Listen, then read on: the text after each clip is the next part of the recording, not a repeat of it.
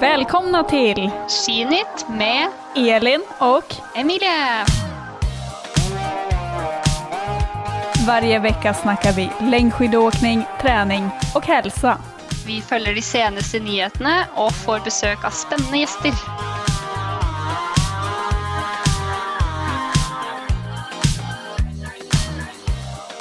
Välkomna till ett nytt avsnitt av Skidnytt. Nu är det faktiskt så att vi har strukturerat om lite i podden, så eh, det är inte Öyvind som sitter vid min sida idag, utan det är en annan skidåkare från vårt kära grannland, nämligen Emilie Fleten, som är en av världens bästa långloppsåkare. Välkommen, kul att ha dig här. Tusen takk. Det var jo veldig hyggelig å få komme tilbake. da. Eh, Sist jeg var her, så var jeg som gjest og prata om min historie om spiseforstyrrelser. Så veldig hyggelig å komme tilbake. Og ja, hyggelig å være her med deg da, Elin. Det er jo eh, kult å få prate litt, eh, litt langrenn med, sammen med deg. Ja, men precis. Vi har ju tävlat mycket ihop, men nu är vi även poddpartners då, får vi säga. Ja, og det syns jeg var hyggelig. Jeg syns det var trist når du la opp i fjor, og at vi Ja, det er jo trist når folk legger opp og man er redd for at man ikke kommer til å se så mye, så da er det jo hyggelig å kunne spille inn litt podkast og ja. Og vi har jo enda sett hverandre litt eh, under vinteren også, men eh, veldig fint å få spille inn podkast med deg. Ja, og du har jo, du har jo precis avsluttet sesongen. Det var jo nu i helgen som var. Så körde du sista, i alla fall i eh, Vismaski Classics i alla fall. Så eh, kan inte du berätta lite grann om hur din säsong har varit? Eh, Ja, siste rennet nå i Levi. det ble jo et ganske tøft, tøft løp da, med veldig tunge forhold. Veldig sånn løse forhold for stavtakene. Eh, men jeg syns generelt den sesongen her har vært eh, den har vært tøff. Mange, mange skirenn. eh, 15 event. Og så var jo jeg en av de uheldige og fikk eh, korona i januar. Så da har det kjentes litt sånn det har vært kult å få gått de siste skirennene nå eh, på slutten av sesongen, men jeg kjenner også at det har vært en, en vinter der man har virkelig fått mobilisere mye mentalt. Da. Ja, det å være skuffa over at man ble syk og ikke fikk gått alle skirenn, men også prøve å finne formen i, igjen. Da. Um, og så klarte jeg jo det til ja, Vasalopp og Birken ble jo veldig bra for meg. Em, men jeg kjenner at jeg har brukt mye krefter mentalt da, på å liksom ja, komme meg over skuffelsen at kanskje ikke sesongen ble helt som man hadde håpa, men også prøve å, ja, prøve å gå fort på de skirennene som var igjen, da. For det var jo Så jeg kjenner at det skal bli godt med en liten pause nå. Men uh, sett uh, i ettertid så har det vært en veldig kul sesong um, med litt flere Altså jeg har fått gått litt flere skirenn enn jeg har gjort før. Eh, Jeg begynte jo med langløp for to år siden, og da, det var jo da pandemien kom etter Vasaloppet, så da ble liksom stengt av. Og i fjor var det litt usikker hvor mange skirenn det ble, men nå kjennes det ut som om måte, det har vært en full sesong eh, som har gått etter planen. Em, så det har vært kult. Ja, det er som du sier, det er jo både at vi har kunnet kjøre efter tävlingsplanen, men også att det har vel aldri vært så här många tävlingar heller under en säsong i Ski Classics förut. Så att eh, det har ju varit många tävlingar. Hur eh, tycker du att det upplägget passar dig? Eller tycker du att det er tufft att ladda om för varje helg? Ja, jeg syns egentlig det er veldig, veldig gøy å gå mange skirenn, fordi um, jeg tror det passer meg bra at jeg er ganske Eller jeg tror jeg er ganske bra på å liksom hente meg inn igjen mellom skirenn. Eh, og så er det jo det at man bruker så mange timer på sommeren og høsten, eh, så iblant så kan det kjennes litt ut som sånn eh, Nei, men jeg vil jo gå flere skirenn. Sånn var det i fjor. Når jeg avslutta sesongen da, så var det litt sånn Nei, men jeg, jeg er ikke klar med å måte, gå skirenn, jeg vil bare gå masse mer. Men nå, når jeg avslutta sesongen nå forrige helg, så kjente jeg at liksom, nei, men det er liksom enda ok å på en måte avslutte nå, og nå trenger kroppen og hodet litt, litt fri. Så, og det syns jeg egentlig kjennes ganske bra ut, for da vet man at liksom Ja, da kan man få en liten pause og man liksom ja, omstille litt, istedenfor å liksom bare ikke føle at man har fått vist alt det man hadde lyst til å vise, eller ja, at man hadde lyst til å gå mer. Da. Så nei, jeg syns det kjennes bra ut. Er du nøyd med sesongen? Eh, nei, jeg, altså, jeg, er egentlig ikke det. I form av at um, jeg avslutta sesongen Eller hadde en veldig bra sesong i fjor. Eh, og da hadde jeg på en måte, var det naturlig at jeg hadde ganske høye mål eh, for denne sesongen. Og var jo på pallen en god del ganger i fjor og kjente at liksom, nå er det på tide å ta liksom, det siste steg og kanskje være med å kjempe om en seier. Og det føler jeg egentlig ikke at jeg har vært helt i år, da. Um, det har ikke vært sånn Birken var kanskje det nærmeste der jeg var liksom uh, virkelig på topp, men ellers så har jeg liksom ikke vært Jeg føler ikke at jeg har vært i nærheten av å vinne skirenn i år, selv om jeg har hatt noen bra. Og det, det er liksom Det er jeg skuffa over. Men samtidig så er det liksom Man lærer jo alltid noe, ikke sant. Og så da tenker jeg at liksom Nei, men da var det ikke min sesong. Eh, og jeg kan på en måte ikke bestemme hvor fort de andre går. Og da kjennes det liksom sånn Nei, da får jeg prøve igjen på nytt til neste år. Mm. Nei, men precis, det er jo lett å tenke liksom fra år til år at man alltid skal bli bedre. Og helst mye bedre, som man mm. vil selv, Liksom. Men det er jo så ofte at man tar et steg og så kanskje planer ut og så tar en säsong till innan man tar nästa steg. Liksom. Det ja, absolutt. är ju mycket tålamod i den här idrotten. Ja, det er jo det, og det vet jo ja, du også alt om at det er jo ikke alltid at ting går på skinner. Og det som er litt fascinerende med langrenn, at, eller i hvert fall for min del, så i sommer og høst så hadde jeg Altså hadde ingen sykdomsdager, ingen dager der jeg var liksom skada. Altså jeg trente alt det jeg skulle trene. Um, og tenkte at liksom den sesongen her, den Ja, alt ligger, ligger, eh, ligger til rette for at den skal bra. Og så, så det, gikk det ikke så bra. Og da liksom Ja, fascinerende. Og så hører man jo andre løpere som på en måte kanskje har en eh, ja, en sommer og høst med skader, og likevel så kan de få sin beste sesong. da. Men jeg syns jo egentlig det er litt kult også. At um, det er ikke bare liksom én vei å følge. Det liksom ja, finnes mange veier til rom og eh, mange tilfeldigheter. Men jeg syns det er litt spennende også. Ja, men verkligen. Så det kanskje er neste sesong som det er du som er fighter som den der gula vesten. Vi får håpe det. Det er i hvert fall målet. Mm. Mm. Ja, nå kanskje det er lett for deg å si at kanskje Vasan og Birken er beste eventet for at du kanskje opplevde at det gikk best der, Men om vi ser over sesongen, har du noe eh, favoritevent dit du tycker det er ekstra rolig å komme? och ja, rolig liksom, tävlingen og hele upplevelsen och sådär? Ja, det som er, det alltid sagt at jeg liker Iserska veldig godt. Altså, jeg vet, vet, egentlig ikke hvorfor, jeg bare syns det, syns det er kult å, å, være der. Det er mye folk, det er veldig kul um, trasé, veldig ja, kult renn. Eh, og så er jeg veldig glad i altså, topplakk. Nå har det vært litt forskjellige konkurranser der når vi har gått. Det er topplakk Cortina, og så har det vært rundløype også. Litt forskjellig, da. Men jeg liker meg veldig godt i området der, så jeg vil liksom, egentlig kanskje si ja, Toblak-området der, Toblak Cortina ja, og Iserska, syns jeg er liksom Jeg synes det, ja, det er, jeg tror det er mine to favoritt. Ja, alltså Jezerska har jag också nämnt förut. Jag tror att jag och Öyvind har pratat om det här någon gång. Eh, för jag tror att eh, det är en tävling som är lite underskattad. På något sätt. Mm, jag är helt enig. Eh, men jag har också alltid trivts där och tävlat mm. där. För jag tycker det är ett bra event och bra arrangemang och fina banor og liksom herlig stämning. Ja, absolut. Ja, jeg er helt enig. Ja, den er litt sånn undervurdert, jeg er helt enig. Eh, selv om det på en måte er eh, ja, et stort og viktig renn, så føler jeg ikke det er ofte, så ofte at folk trekker det fram. Men jeg syns det er et uh, veldig kult arrangement. Men nå når vi er inne litt, vi var inne både på sesongen over lag og så även litt igjen på din sesong. Og du sa jo der at du ble sjuk eh, og du var en av dem som eh, testa positivt for korona. Og det var jo faktisk lite oroligt där ett tag, eh, för det var ju flera åkare som började testa positivt där. Eh, men så här i slutändan så blev det inte så mycket mer. För jag tror att man tänkte nog där, åh gud, nej, vad händer nu? Ska, måste vi ställa in resten av säsongen eller vad händer liksom?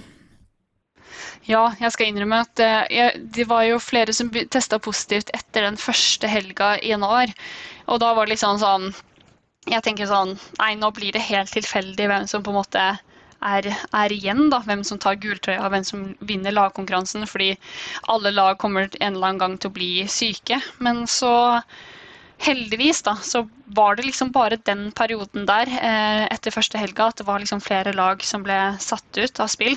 Men så var det liksom ikke så mye mer. Og det, det kjenner jeg i hvert fall, selv om jeg syns det var kjipt at jeg og flere på laget mitt ble syke, så er jeg veldig glad for på en måte hele konkurransen og Visma Ski Classic, at det ble liksom det ikke ble så mange lag som ble ramma, da. For det, jeg syns liksom at det har vært veldig rettferdige konkurranser, og jeg syns liksom vinnerne av trøyene og lagkonkurransen var veldig rettferdig. Eh, selv om det var noen lag som var uheldige, så føler jeg at det, ja, det ble en fin vinter allikevel.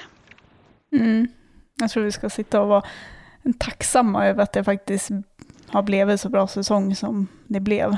Med tanke på att det fanns corona där, speciellt där i januari och sådär. Eh, men det var ju också mycket testning på alla team inför varje tävling och, och sådär. Ja, ja, men absolutt. Så nei, jeg tror vi skal si oss fornøyde med at det var, eh, at det var eh, holdt med de lagene som ble ramma, og at det ikke var flere. Eh, så litt flaks kanskje, og litt dyktighet også. Mm. Men annars eh, sammanfattningsvis av eh, så jag som har stått på sidan av i år så jag tycker verkligen att eh, Ski Classics har ju verkligen fått ett lyft. Jag vet inte om det är extra det här med SVT och NRK har satsat mer. Eh, men man märker ju att intresset för långlopp, det är någonting annat. Det har verkligen vuxit de senaste åren och kanske speciellt det senaste året. Ja, absolutt. Også det tror jeg har litt med, ja, som du sier, at NRK og SVT har satsa og lagd veldig gode sendinger. Um, jeg hørte vel at um, altså på slutten av Birken så var det like mye seere da som det var når de sendte skiskyting uh, rett etter. Og det er jo et veldig positivt tegn på at uh, folk følger med. Um, så jeg tror det har gjort mye at uh, sendingene er er veldig bra å se på. Også I Norge så har jo World Cup det sendes jo på litt forskjellige kan kanaler. Um, så jeg tror det er veldig lett å følge med på langløp når det går på NRK. Uh, har alltid gått på NRK. Veldig, altså, de samme sendetidene uh, hver lørdag eller søndag. Um, så jeg, jeg, føler at eh, langløp som produkt, det er kommet for å bli. Og jeg tror det kommer til å bare bli større og større.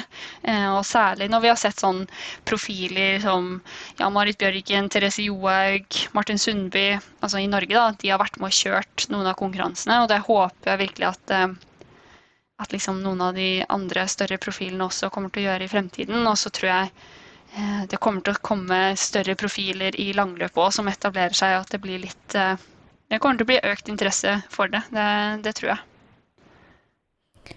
Merker du av det som åkere, at interesset er større? Kanskje ikke så mye. Jeg lurer på om liksom i Norge så har det liksom ikke Altså statusen i, som langløper har kanskje ikke vært så høy. Jeg har liksom hatt inntrykk av at løpere som Britta og kanskje Emil også. Det er litt sånn, uh, har litt høyere status i Sverige enn på en måte sånn som Andreas Nygaard og Astrid, Astrid Hare i, i, Norge. Da. Men jeg tror virkelig at på en måte det at eh, sendingene er bedre nå på NRK, og at de løperne som har liksom gjort de løpene de faktisk har gjort, da, at uh, de får litt mer anerkjennelse. det håper jeg. Det fortjener de. mm. Ja, men verkligen. Um, nej, vad säger du? Vi har ju faktiskt uh, ett stort gäng gäster idag. Uh, vi har ju tänkt uh, prata med alla segrare av en, en väst. Vi har ju den gula som är den totala, vi har den gröna som är sprintvästen och så har vi den röda som är climb eh, och den rosa som är ungdom. Och så såklart den eh, eh veteranvästen har vi också. Så eh, jag tycker att eh, vi lär väl ta damerna först va? Ja, vi gör det. Ja. Ta da damerna först, alltid. Precis, och då ska vi prata alltså med Britta Johansson Norgren, Astrid Öjreslind och Ida Dahl.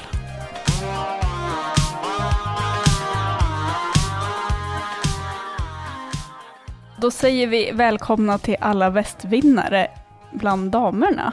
Eh, och vi tänkte att vi, vi börjar med dig Britta. Du sitter ju här med både den gula och den gröna västen. Eh, och jag känner, du har ju vunnit gult nu många år. Känns det fortfarande lika stort eller värderar du enskilda lopp högre? Eh, jag skulle säga att det känns eh, en av de större gångerna att vinna den gula. Att det var, men efter förra året, komma tillbaka och göra det igen blev eh, ja, men väldigt känslosam och betydde faktiskt väldigt mycket för mig. Det, jag trodde väl liksom innan säsongen att då trodde jag att Astrid skulle ha den och skulle vara väldigt svår att slå. Tänkte jag, hur fan ska jag kunna lösa det här? Bara, måste verkligen vara bra hela tiden. Och sen kom Ida där och bara, nej vad fan, det här kommer bli riktigt tufft. Men, eh, ja, men det löste sig till slut och det, det betydde faktiskt väldigt mycket för mig. Så den, eh, ja, det är inte så att jag blev mätt på det innan.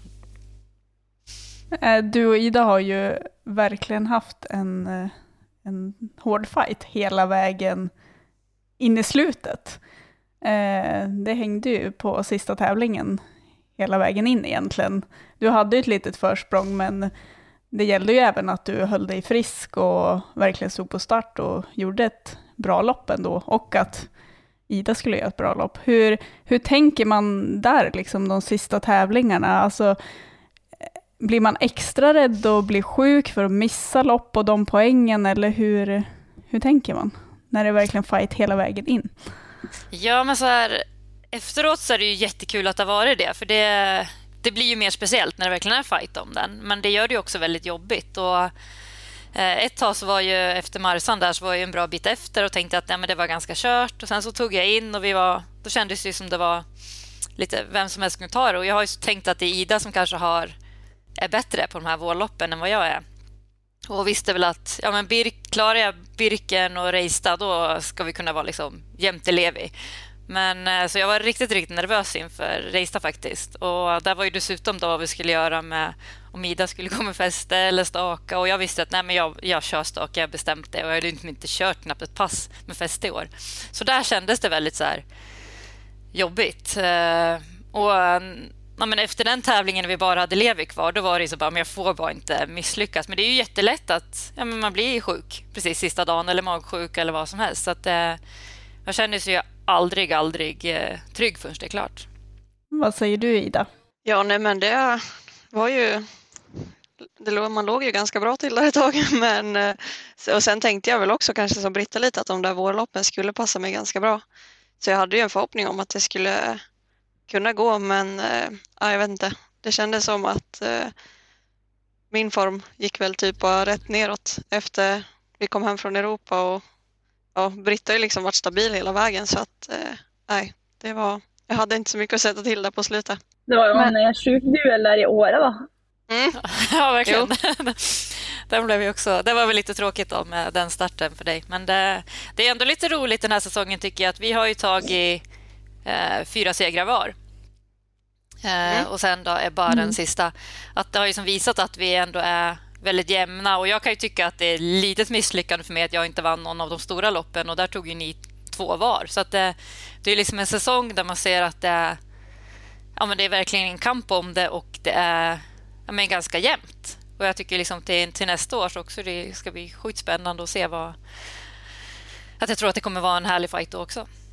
Ja, herregud. Jo, det är ju roligare också för tv-tittarna och för oss om det är jämnare. Liksom. Man vill ju ha, alltså, eller jag i alla fall känner att det är alltid så skönt om det bara kan få gå bra och man vill ju alla lopp perfekt. Men man märker ju att de gångerna där folk engagerar sig mest, det är ju när det är fight hela vägen in, när det är spurt eller när det är de här härliga fighterna om tröjorna. Så att, eh, de ska vi vara tacksamma för. Ja, för lite som ni var inne på själv också, som vi reflekterar över. Britta, du har ju kanske haft den här mer jämna säsongen. Och det kanske är det som gör också att du som står som slutsegrare. Medan Ida och Astrid kanske har haft mer perioder där allting har klaffat. Ida, du var ju väldigt stark första halvan, medan Astrid kanske andra halvan mer. Hur eh, kommer det sig, tror ni? Vad är det som har... Oj, jag vet inte, alltså jag tänker ju lite att det är så här, kanske, jag vet inte, träningsbakgrund eller typ sådär. Jag menar, Britta har ju kört liksom de här loppen i många år och ja men, klarar ju verkligen av det och att det blir tufft liksom i flera helger på rad. Medan en själv kanske liksom, man klarar av det i några veckor men till slut så måste kroppen liksom börja återhämta sig och man börjar känna av det. Så det var jag ganska beredd på att det skulle gå sämre liksom framåt vårkanten men ja, man, alltså man hoppas ju alltid att det ska gå bra men jag var som ändå lite beredd på att någon gång kommer det komma en liten dipp. Så. Mm. Så har jo Britta vært ekstrem på ja, holde seg frisk og, og alltid ta liksom, de her ekstra plasseringene, tenker jeg. At det, eh, altså, når det blir en fjerdeplass i Birken, det blir ikke nummer fem. og Det er, liksom, det er ganske typisk, da, føler jeg. At eh, det er ikke bare fordi formen er jevn, det òg tror jeg er litt sånn eh, vinnerskalle og liksom kunne presse gjennom og, og, få det beste ut av hvert eneste renn uansett. da. Så der har vi kanskje noe å lære. Eller Ida, du, du kjørte jo hardt der i året, da, men eh, ja, jo, neimen. ja. Jeg ga jo opp denne sesongen sammenlagt ganske tidlig, for jeg ble jo syk i januar, og da vet jeg at det her det, det går jo ikke når det er så høyt nivå, liksom. Så, for min del så konsentrerte jeg meg ganske fort om andre renn. Men hva kjenner du om det, Astrid? da? Liksom, angrer du på at du på en måte kanskje ikke fullførte Tartu, eller at du liksom Eller følte du at det var for langt bak uansett, at du er veldig fornøyd med at du faktisk gjorde det ekstremt bra i Vasaloppet og Birken og ja, hadde to seire til, på en måte. Ja, altså, sånn, sånn, som kroppen var i Tartu, så er jeg jo nesten glad for at jeg ikke var med i sammendraget. For da hadde jeg jo gått eh, fullført, og jeg ble jo jeg kjente jo egentlig at formen kom dagen før Vasan, så hadde jeg fullført Tartu, er jo ikke sikkert at jeg hadde vunnet Vasan. Eh, så på en måte så fikk jo jeg en mulighet til å å tenke kynisk da, og bare fokusere på de store rennene i stedet for å tenke på sammenlagten i år. Fordi at jeg var syk, så da var det liksom veldig, en grei avgjørelse. Så jeg føler jo at jeg maksa med å bryte i Tartu, drite ut i sammendraget og, og få vinne Vasan og Birken. da. Jeg er ikke lei meg for sammenlagten da, liksom. Da er jeg, jeg er mer fornøyd med at jeg henta meg inn og at det gikk så bra som det gjorde.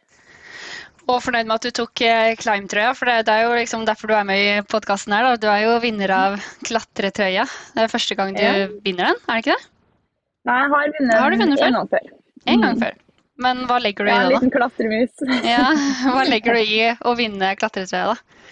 Eh, nei, jeg har jo gått hardt i motbakke for min del. Jeg tenker at det er jo en trøye som viser at du har litt kapasitet. Da. At det er en ferdighet som skiløper som Eh, jeg syns det er kult å vise at jeg har. Eh, og så er det jo litt fordi de rennene som man får mange climb-poeng, passer meg bra. Da. Jeg er jo litt sånn type løper at det er bedre når det er kupert enn flatt. Og bedre i harde renn der man går maks enn kanskje sånn lureløp der det blir spurt. Da. Så det, det, er bra at det er trøyer som passer litt forskjellige ferdigheter som skiløpere, syns jeg. Mm. Hvor hardt liksom, tenker du på liksom, de ulike trøyene før, før sesongen? Liksom, tenker du kun gult, eller tenker du liksom på noen av de andre trøyene? Eh, rosa har jeg slutta å tenke på. Eh, gult har jeg jo tenkt på i mange år. Jeg har jo veldig lyst til å, til å ha en solid sesong sånn at jeg kan gå for gult. Eh, men der har jeg liksom feila litt hvert år, da. Eh, og jeg tenkte jo at det kanskje i år var en sesong jeg skulle få det til. Men det, det skar seg fort i år òg, så det ble jo en liten depresjon her i januar når det ja, skulle skje så tidlig, da, tenkte jeg. Men uh, jeg har alltid gått litt for climb, da, for den er jo en trøye du kan hente inn på selv om man mangler noen renn og selv om man har noen dårlige prestasjoner. Så, så er det fortsatt en mulighet for å kjempe om den trøya. Og så um, grønt har jeg vel egentlig aldri eh, gått for, nei. Britta, hvor hardt tenker du på de ulike trøyene før sesongen? Er det er det et mål i seg selv å liksom klare å raske med seg alle trøyene, eller hvordan?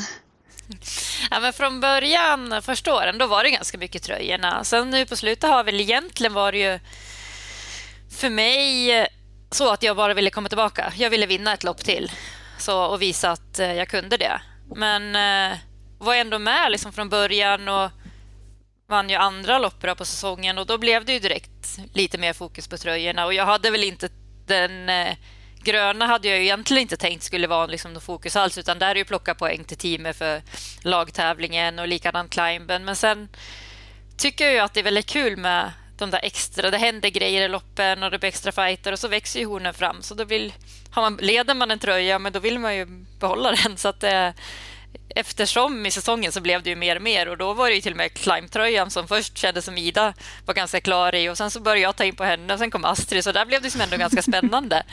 Mm. Så jag tycker ju att de här tröjorna är jättekul att det finns som en extra extra grej. Och som Astrid säger också, även om man kanske har haft något dåligt lopp så finns ju fortfarande chansen med tröjorna kvar. Så det, det är ju bara en gula då, som egentligen handlar om att vara egentligen aldrig riktigt dålig på damsidan. Ja, men du, har en, du fick ju med dig gröna västen, men eh, där har vi ju faktiskt haft Anniken på damsidan som verkligen har gått in för det. Nästan egentligen första gången kan jag tycka på damsidan som någon verkligen uttalat sig om att gå in specifikt enbart för den västen. På herrsidan har vi ju sett det på ett annat, annat sätt. Jag tror att det kommer att vara fler tjejer som går den här vägen, för på här har vi sett att många använder det som en del i utvecklingen och utveckla olika kvaliteter för att bli en komplett långloppsåkare. Jag hoppas ju verkligen mm. det, för jag tycker att det är ett superbra sätt att få visa upp sig och man visar lojalitet mot teamet. Och har man sett på här sidan så är det ju många som har tagit den gröna som sen är uppe i toppen och slåss om den gula. Och flera har ju tagit gula något år senare. Så att, eh, jag hoppas verkligen att det växer och blir... Jag tycker att det var jättekul när Anniken... Även om jag hela tiden blir triggad och kanskje går lite för hårt på några spurter ibland. Bara för att det... Vill, jag vill ju visa att jag också kan spurta och vara bättre. Men det, det är väl liksom det som behövs. Tre, fyra tjejer till som verkligen kör om det. Då kommer det bli riktigt spännande. Jag tror, jag tror det handlar lite om bredden òg. At det, det før har vært såpass stor, stor avstand da, fra de aller beste til, de, til mengden. Liksom, at det, eh, det har vært briter som har tatt alle trøyene fordi hun går fortest fra start. Liksom. Men eh, som i herrefeltet så er det et større samla felt, og det skjer mye mer i, i løpet av de her små spurtene. og det tenker jeg at det har blitt mer og mer sånn i dameklassen òg. Og så har hun, har hun gått fra å være én i tre til å være tre til å være seks. Liksom. Så det, mm, da er det jo mer naturlig at noen bestemmer seg for trøya nå i den gruppa. liksom. Så jeg tror det blir mer av det framover, jeg. ja, nej, men du? Ja, nej, men jeg holder med. Det er også bare bara kul om det blir liksom litt mer fighter om tröjorna. Det blir ju som en tävling i tävlingen liksom. så att eh, det hoppas jag verkligen och att som det är på här sidan att liksom fler tjejer också ser det som en möjlighet att utvecklas. Eh, så, för det kan ju också annars kännas också som att steget till den gula tröjan blir ganska stort om man bara tänker att man ska gå för det. Liksom. Så jag tror att man kan gynnas ganska mycket av eh, både som utveckling och som en själv som skidåkare och liksom för det mentala liksom, och ha någonting mer att fokusera på.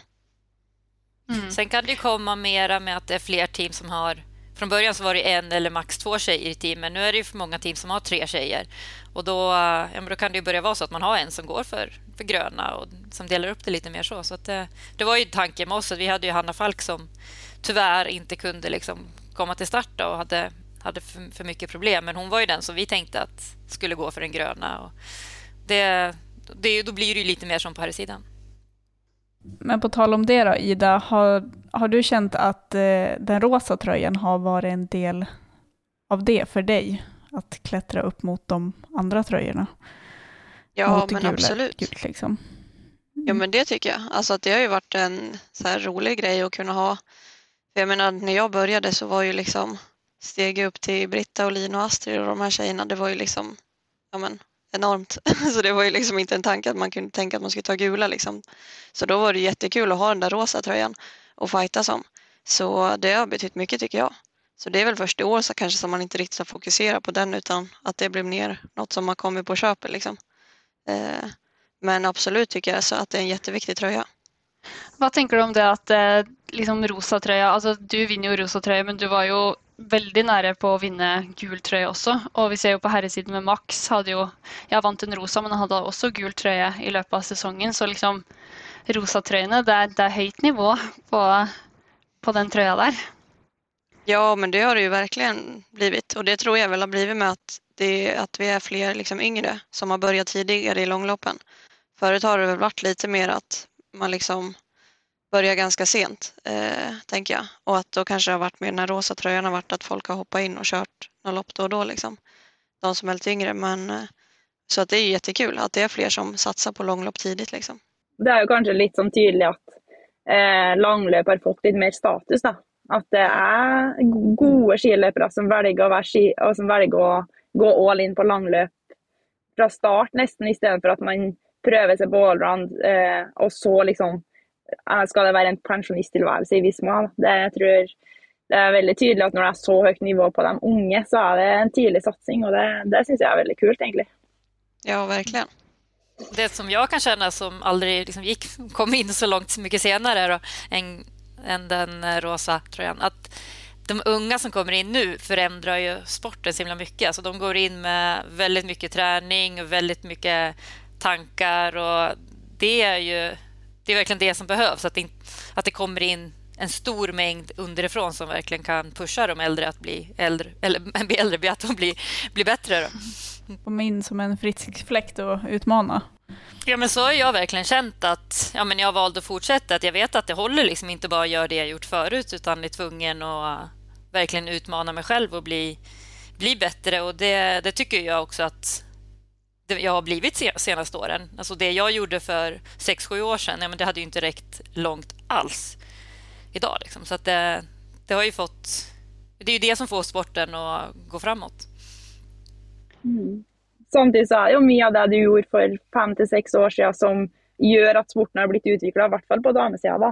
Sånn at det er noen som eh, tør å gå for bare staking og, og stake så fort at ingen andre kan velge noe annet. Og at man liksom Du har jo tvingt alle til å tenke litt nytt, vil jeg si. da. Mm. Jo, det är ju någonting som jag så här nu efter karriären tycker är det, är liksom, det jag tar med mig som det största. Att jag faktiskt... Ja, men fra från början fick man ju höra att man var så en idiot som gjorde det och knäpp. Men nu har man ju fått liksom lite upprättelse för att jag faktiskt vågade satsa på det. Eh, Så det är Ja, liksom, du er en pioner i stedet, liksom. Ja, ja, precis. Och det känns ju väldigt fint att det är så. Men eh, jag tycker også också att det är väldigt häftigt att jag har sen blivit pushad av dem som kommer efter att fortsätta utvecklas. Men betyr det litt ekstra, Britta, i år, det å ta liksom gulltrøya i år når det er såpass altså, Sånn som Ida, som er liksom blitt tatt veldig steg, da, og ung. Eh, ja, Astrid som på en måte kommer tilbake, gjør en kjempesterk sesong. Lina i fjor som hadde liksom supersterk. Liksom, hvor mye betyr det å liksom bare ta den liksom, Har de på en måte Er det motivasjonen du har hatt liksom, for å komme tilbake? Ja, men verkligen.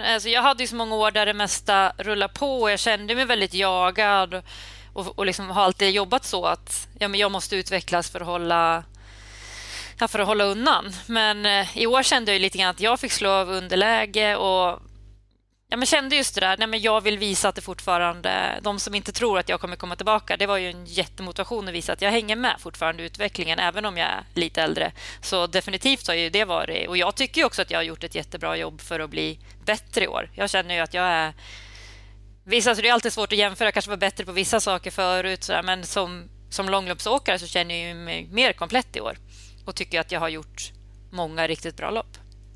Mm. Ja, virkelig. Jeg tenker sånn, eh, eller Nå siden du legger opp, da, Britta, har du noen treningstips til oss som blir igjen på hva du egentlig har gjort?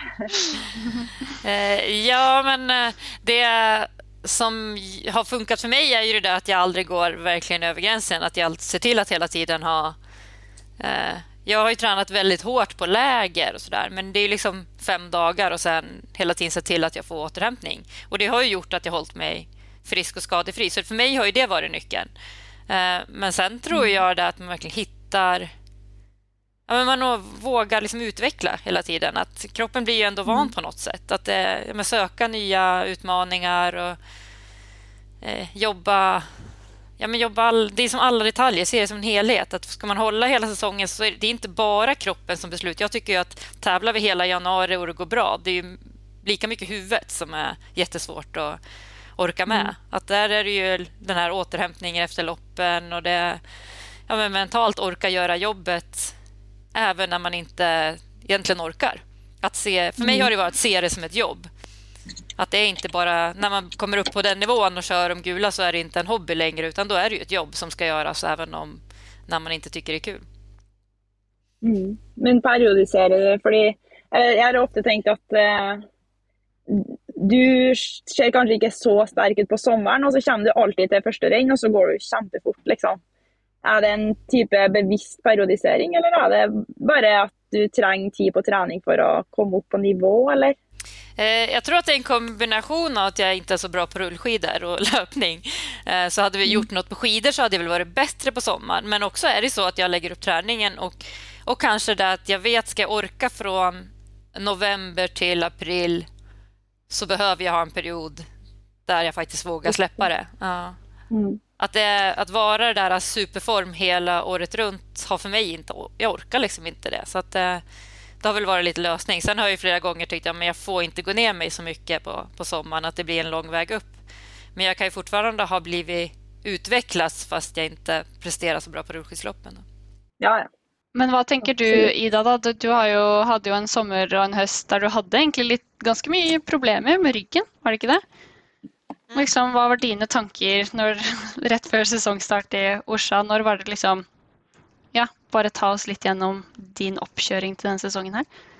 Ja, eh, ja nei, det var jo ganske oklart om jeg skulle kjøre eller ikke ganske lenge. Så det var jo eh, noen uker innan eh, Orsa som jeg kjørte min första tävling liksom i Bruksvallarna och körde något 10 km race och typ skulle se om det gick bra. Um, så, och, det, sen, och då typ när det kändes bra så tänkte jag men jag kör väl Orsa och så tänkte jag bara att jag skulle ta det helg för helg egentligen. Uh, och var ganska så här försiktig och uppmärksam på uh, hur ryggen kändes. Så jag trodde nog absolut inte att jag skulle kunna köra alla lopp egentligen.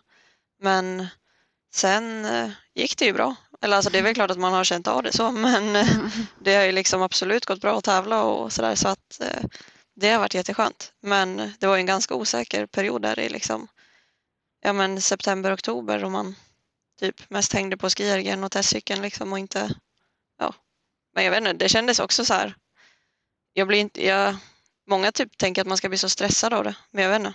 Jag blir alltid lite så här, det är vad det är. Sen får man väl bara göra det bästa av det liksom. Mm. Så jag vet inte, jag känner mig ganska typ lugn ändå. Och så tänker jag väl också att så här, man är ju 26 år så att om jag ska hålla på lika länge som Britta så har jag några år på mig och bli hel och frisk så då kändes det ganska lugnt. Så. Det är ju ganska ofta man ser att folk som eh, blir skadade eller blir tvingade att träna lite annorlunda. tar mm. lite steg av det. Följer ja, att du men exakt. av det? Ja, och det har jag tänkt också många gånger att det just är så. Att många mm. kan ju få ett lyft av att man gör någonting helt annat och ja, men stimulerar kroppen på andra sätt. Så det tror jag nog absolut har varit en del i att man har fått en eh, så stor utveckling i år. Liksom. Så mm. får väl ta med mig det då till nästa mm. träningsår. Ida blev skadad där under hösten. Ja, lägg in en liten alternativ. ja. jag, jag, tycker det ser ut som att du är mycket, mycket starkare i år och håller ihop tekniken. Är det något du känner själv också eller är det som bara tror, som ja. kanske har kommit av att du fick göra mycket alternativt? Ja, men jag tror det. Eh, för just med alternativa har ju varit liksom mycket sådana små alltså mer styrketräning och sånt också. Så jag tror nog absolut att eh, det har hjälpt till att man har blivit starkare. För det känner jag ju själv liksom att man orkar hålla det tekniska mycket bättre än vad man har gjort tidigare. Så, ja, men det, så det tror jag verkligen att det är. Inget ont men, som inte har något gott med sig. Mm. Men tror du også det er en forklaring på hvorfor, hvorfor på en måte formen eller det kan jo være det er andre ting som spilte også inn for at du ikke liksom fikk de beste resultatene på slutten, Men er det liksom, tror du det er en av forklaringene at du mangla litt staketrening i sommer og høst, eller? Ja, men så kan det ju absolut vara. Att man inte har mm. fått den här riktiga hårdheten i kroppen som man kanske har fått annars. Eh, så, för man kände ju liksom därefter, ja men framförallt efter Marsan tyckte jag, att då började man känna att så här, fasen nu återhämtar jag mig inte skitbra längre. så eh, nej men det tror jag nog. Det var ju otroligt nära att du skulle vinna gula. Det var ju en hård fight mellan er hela vägen in. Eh, hur känner du så här i efterhand? I början kanske man kan känna någon form av frustration eller liksom ett stort revanschsug när det är så nära, men inte riktigt. Känner du så nu, eller kan du verkligen sitta och känna dig nöjd och stolt över att vara tvåa? För det var Nej, ju faktiskt ja. sjukt bra. Ja, herregud. Nej, men jag är jättenöjd alltså, Mm. med det. Och, eh, alltså, ska man lyckas ta gula så måste man liksom hålla sig, ha en ganska stabil form hela säsongen. Och det har ju Britta liksom haft och jag menar så att hon förtjänar ju verkligen att ta tröjan. Så, nej, så jag är jättenöjd. Men sen är det ju såklart att man vill ju vinna. Och då blir ju liksom, ja. Men det är bara en som kan göra det. på. Ja, Ja. exakt. Men eh, nej, men jag är nöjd.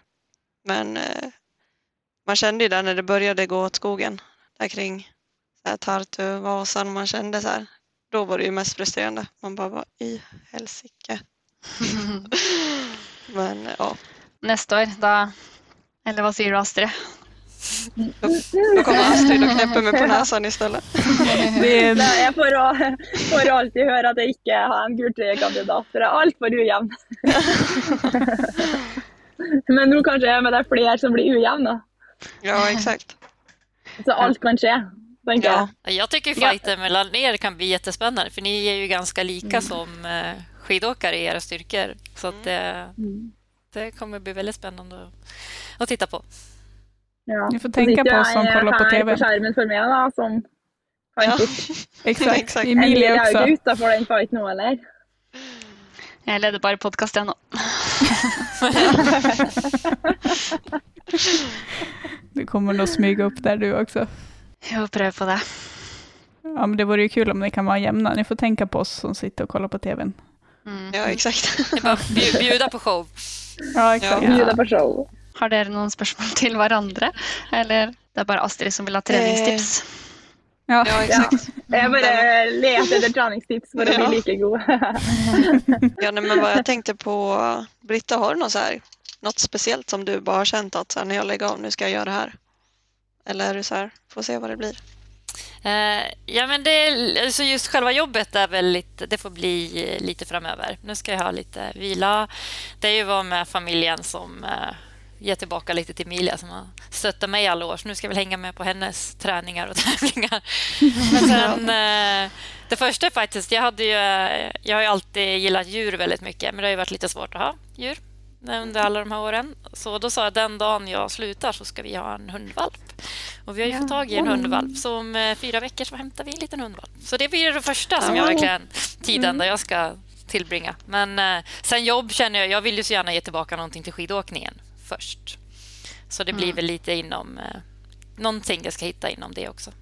Du kan ju bli tränare till Astrid. Ja. Nei, ikke, ikke bli det. Ikke bli det. Astrid får ta gula då. Da blir jeg gultrøye på meg, jeg, da. Ja, Precis. ja fan det er sant. Ta tilbake det der. Men Astrid og Ida da, vad, hur ska ni spendere vårledigheten Og når planerer dere ni dra dra gang for neste sesong?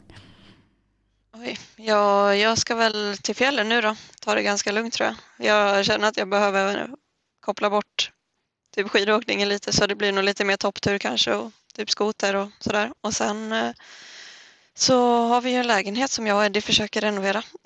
så vi får väl se hur lång tid det tar. Så, men jag vet inte. Man brukar väl sätta igång där typ slut på maj någon gång brukar jag i alla fall dra igång. Du da, Astrid? Ja, jeg drar vel sikkert i gang i, i slutten av mai, jeg òg. Men eh, jeg har litt samme. Jeg skal ut på topptur nå i påska. og Så skal vi jobbe litt med sponsorer og prøve å få stabla laget litt eh, solid på beina igjen eh, eh, etter påske. da. Så da blir det en del jobb med det, tipper jeg. Og så skal jeg ha praksis på Heimdal videregående. Jobbe der som eh, coach og sånn i fire uker. og da har vel egentlig hele våren gått, så da er det på tide å trene igjen. Ja, Så det jeg tror det blir ganske travelt, faktisk. Mm. Ja.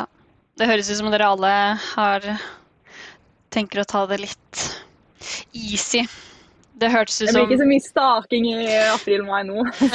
Inte. Verkligen inte. Tack för att ni tog er tid och gästade Skidnytt och eh, stort grattis till en fin säsong till er allihopa och till Britta för en fin karriär. Tack så mycket. Vi kommer vara saknade nästa år. Ja, Verkligen. absolutt. Ja. Vi önskar dig lycka till med vad du nu tar dig an. Tack så hemskt mycket. Tack ska ni ha. Tack, tack.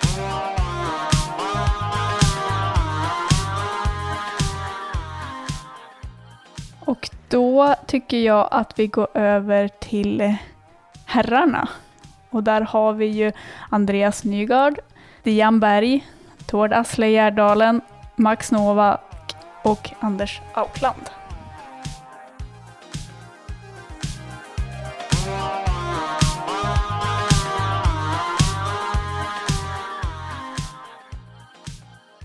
Ja, då säger vi hej och välkomna till alla killar som har sitter här nu med en, en väst. Välkommen! Tack, tack. Tack, tack. Tackar. Eh, vi tänkte börja med dig, Andreas. Eh, ni är ju några stycken som har haft den här gula västen under säsongen.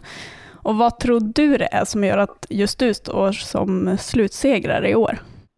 Ja, det är väl mest flaks kanske. Jag var, jag var ju i eh, bra form när det var flest poäng som skulle delas ut. Så eh, klart, när jag gör det väldigt bra där i alla Grand Classics-løpene, så, så jo det en fordel. Så eh, det var kanskje det. Så jeg vet ikke om det er alderen og rutin som eh, vippa det til min favør i forhold til ungguttene fra Sverige. Men eh, Ja, det var kanskje det. Så, samtidig så ble jo Kasper syk, og han, var jo, han kunne jo kanskje òg kjempa om den. Så det er vel, det er vel litt tilfeldigheter kanskje som eh, avgjør. Jeg følte ikke at jeg er noe sterkere enn Emil og Max og Kasper egentlig, sånn i snitt gjennom sesongen. Deilig å høre da at uh, man kan ha flaks for å vinne gulltrøya. Liksom.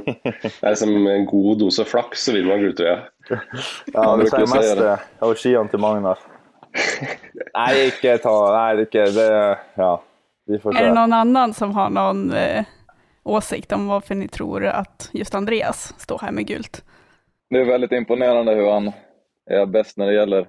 Det har han vært flere ganger. och eh, det kanskje er litt rutin også. Og der, der vil man jo se og lära. Vara der neste nästa år eller åren som kommer. Det er inspirerende. Ja, for det er, jo tredje år, det er jo tredje gangen du tar trøya, Andreas. Det er jo litt sånn comeback kanskje i år, etter den fjorårets sesong. Ja, det Hvordan, var hvordan føles det å ta trøya i år, før de andre årene?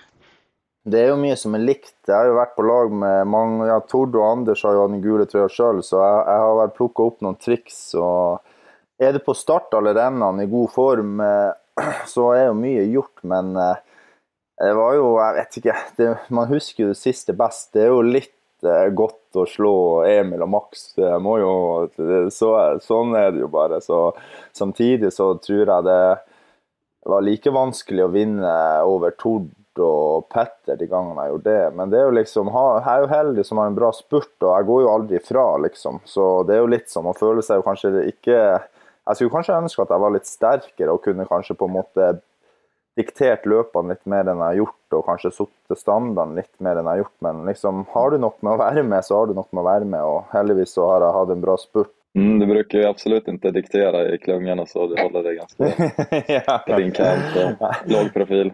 Diktere verbalt, dessverre, ikke, ikke fysisk. Så nei, jeg må si at jeg var jo ganske svak inn i sesongen. Eh, kanskje litt dårligere enn jeg hadde håpa å være.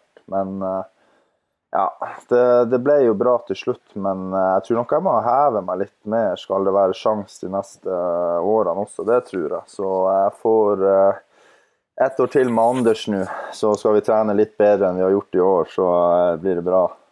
Eller fortsatt en motivation å vinne gula tröjan? Eller legger du mer prestige i enskilde lopp? Nei, gu- gul trøye det er jo minst flaks, kanskje, selv om jeg snakka om flaks i sted. Liksom, det, liksom Ett skirenn, der er det så mye som kan skje. Eh, Samtidig er jo det litt av sjarmen, men eh, jeg merker kanskje at det er litt artigere å vinne Vasaloppet og de store rennene nå enn jeg gjorde før. Før så syntes jeg det var kult uansett hvordan renn jeg vant, fordi at det var akkurat det samme du konkurrerte med. Det var på en måte like vanskelig og det var like artig. Men når man blir litt eldre, så kjenner man kanskje at de store rennene er litt artigere å vinne. Men jeg syns gult skøy er kult, så jeg skal prøve jeg må prøve å holde de eh, ungguttene fra naboland og dem på vårt lag bak meg til neste år også. Så eh, ja, det er mye motivasjon i den gule trøya. Det er bra. Vi går over litt igjen på Stian da, som sitter her med grøna västen. Jag skulle säga att under några år så har vi haft eh, tre åkare skulle jag säga som har gått in för just den gröna västen. Vi hade ju dig Andreas för några år sedan, sen hade vi Anton Karlsson och så nu du Stian som verkligen uttalat har gått in för att vinna den gröna västen. Men nu har ju du sagt att eh, du inte ska satsa på den. Eh, vem, vem kommer att ta över sprinttronen nästa år? Ja, nei, si det. Eh, Det blir jo spennende å se det. Jeg føler at nå, nå er jeg ferdig med det. Men uh, man veit jo aldri. Kan det hende at det blir noe sprinting på noen grønne poeng likevel. Men uh, jeg har litt lyst til å gå for litt andre mål og oppgaver de neste sesongene. Så får man se hvordan det går. Uh, Men hvem som kommer til å gå for den grønne, det, det veit jeg liksom ikke helt. Det, kanskje dukker det opp noen nye. Men har du sett på det her, liksom, det å ta grønntrøya litt som en del av din utvikling, eller er det sånn Er det på et steg på veien, eller hvordan ser du på det?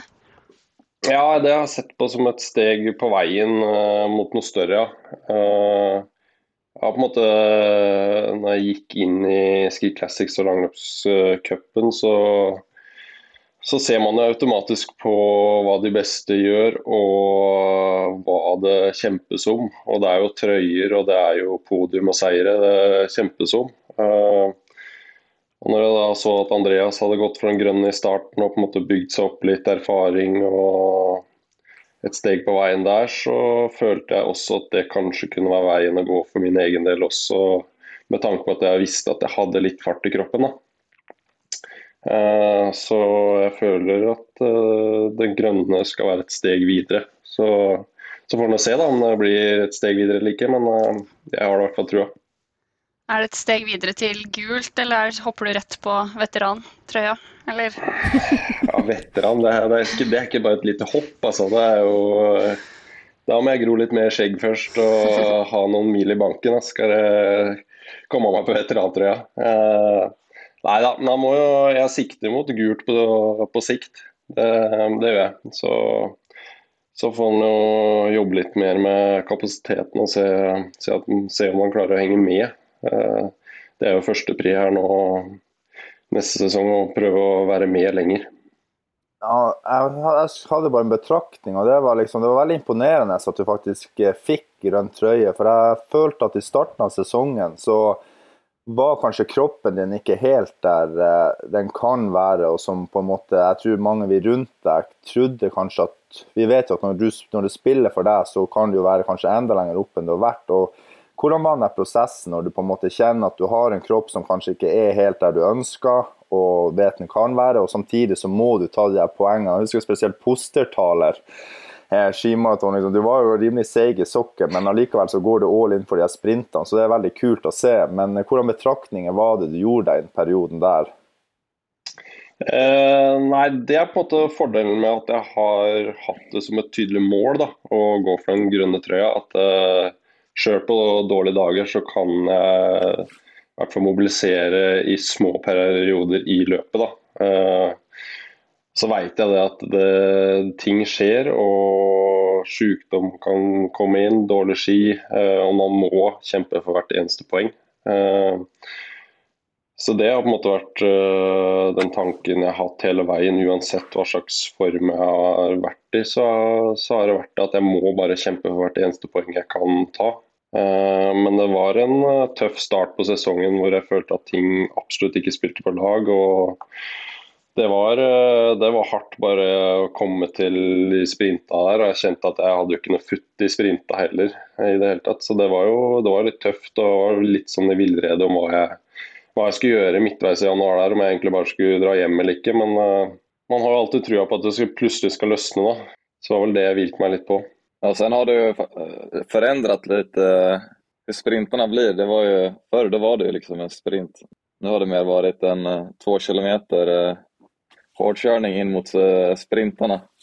Så det har ju blivit, och jag tror att det har varit ganska smart när det har varit många, jag menar, till exempel Emil som är så snabb att han har velat gå för dem. Då har det kostat för mycket. Så, Ja. eh, Ja, det har, Det litt, noe ja. det har vært litt av taktikken min nå eh, på slutten her. Jeg visste jo på en måte at Emil han har noe å gå for uh, uh, totalt sett også. Så jeg på en måte ville fått han til å ta noen vurderinger underveis hvor mye krefter han har ønska å skulle bruke på, på å ta de grønnpoengene. da. Så da har det vært en taktisk manøver der på å prøve å svi av mye krefter tidlig der. da. For å se om det er mulig å få Emil til å revurdere om det er noe poeng å gå for det grønne eller ikke. ja, det får komme noen andre som røper drar upp eh, sprintarna med noen kilometer kvar så at jag Ja, å da, trötta ut Emil lite. da kommer jeg sikkert til å hate den personen så jævlig òg. Jeg vet jo, Det var jo det som drepte din argeste konkurrent fra i fjor, nemlig Anders, i liksom grønntrøyekampen. For han, han orka jo ikke Han er jo veldig rask, så han ville jo at du bare egentlig skulle spurt de siste 200, litt sånn som i fjor. Da var jo han der oppe. Men nå i år, når han har vært litt dårlig i form, så har det, det jo drept han helt. det der. Ja, jeg har slitt fælt i år, altså, så jeg slapp for håpet tidlig. Men jeg tror som Stian sier, at eh, jeg, jeg liker jo at det er en grønn trøye i den konkurransen, her, for det er jo spill. eh, og det å ha en trøye, den grønne trøya å gå etter for en, eh, en utøver som er på vei i utvikling, det tror jeg er kjempebra. Og jeg gleder meg til neste år vi får se nye løpere som kommer opp og skal komme inn i Ski Classic, og kanskje da er det grønne trøya naturlig å gå for i starten. For det er mye morsommere å kjempe om en grønn trøye enn en plassering eh, litt lenger bak totalt, hvis du kommer ny inn i Ski Classic. Og jeg, jeg syns jo det er eh, kjempebra at eh, Ski Classic har det grønne trøya, og at det setter den også ganske høyt. Stian, hvilke løp er det du ser på deg som ditt eh, største mål, eller, og ikke minst hvilket løp ser du på deg som størst sannsynlighet at du kan vinne, hvis du går for enkeltseier istedenfor grønntrøye? Reistad, ja. Definitivt. Ja, du leda jo. Ikke ja. Nei, det er definitivt ikke Reistad. Det tror jeg aldri kommer til å vinne. Der har jeg ikke helt trua.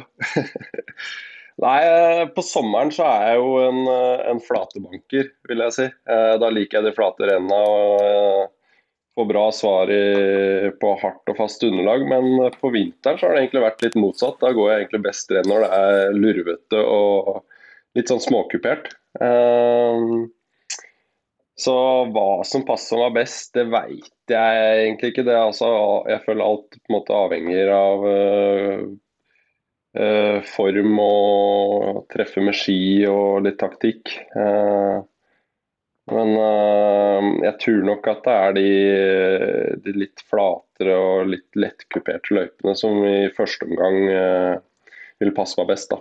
Da kan du komme med et eksempel på et av de løpene. Nei, det er jo Vasaloppet er jo noe alle vil vinne. Eh, Så den, eh, den står på lista. Climbvesten, Tord. Trea Prato Piazza, etta Lavinosta og tvåa Reiseløpet. Du er jo en åkare med høy kapacitet og har alltid vært sterk oppfor. Men det er faktisk første gangen du vinner Climbvästen. Har det vært en stor motivasjon under året at vinne den?